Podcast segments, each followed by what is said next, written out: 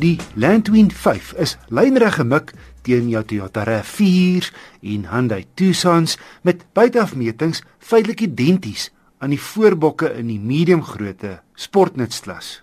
Die Landwind reeks se pryse lyk baie belovend, so wat 150 000 rand goedkoper as die kompetisie. Maar het die Chinese wa die skietgoed om sy mededingers aan te vat? Al drie modelle kom met 'n Mitsubishi gebaseerde 2 liter petrol turbo en trek met die voorwiele.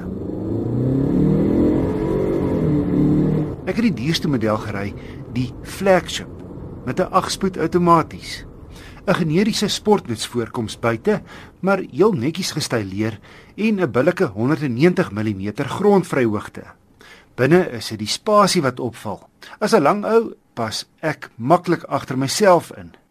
Redelike harde plastiek op die paneelbord, maar alles voel redelik goed aan mekaar gesit en die uitleg is verbruikersvriendelik.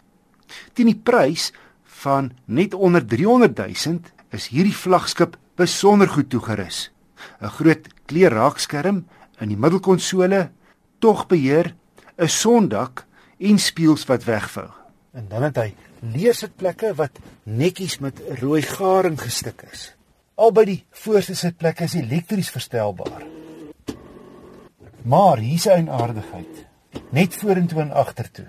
En die rugleuning, hy is nie hoogteverstelbaar nie. Jy het net een posisie en dis redelik hoog. Die handrem is baie styf gestel. En sodra jy die voertuig halfpad aanskakel, kom die radio van self aan al was hy voorheen afgeskakel. Saam met 'n tribeeld op die lekker groot sentrale skerm kry jy ook drie sensors. Die flagship model bied verder seiligsakke, anders as die goedkoper Lux model wat net voorstes het, asook traksie en stabiliteitsbeheer. Effe irriterend is 'n kraakgeluid. Elke keer wanneer jy die stuur draai. En dan was daar ook 'n klak klak geluid wanneer jy hard rem.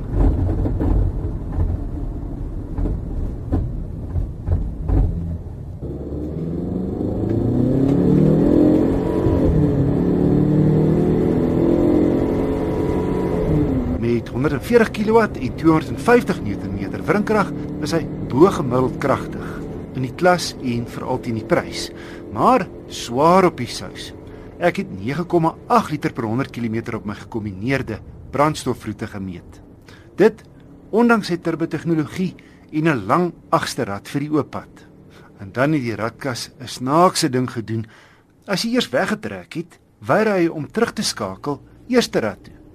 Al bring jy jou spoed af na selfs 1 km per uur as jy jou voet plant, soos tipies by 'n toegeeteken of 'n minisirkel trek jy 'n tweede weg wat lui versnelling onder 40 km/h beteken. Want die turbo kom eers behoorlik hier van 3000 toere aan die gang. Eers wanneer jy weer 'n slag doodstop, skakel hy eerste rad toe. Dis ook in die radkas se sportfunksie die geval. Gelukkig is hier 'n tikfunksie waarmee jy soos met 'n handradkierie om eerste rad toe kan tik wanneer jy wel eerste rad se krag nodig het. Hoopelik is dit en die stywe handrem net kalibrasiefoute wat reggestel kan word. So die Landwind 5 flagship het sy gebreke.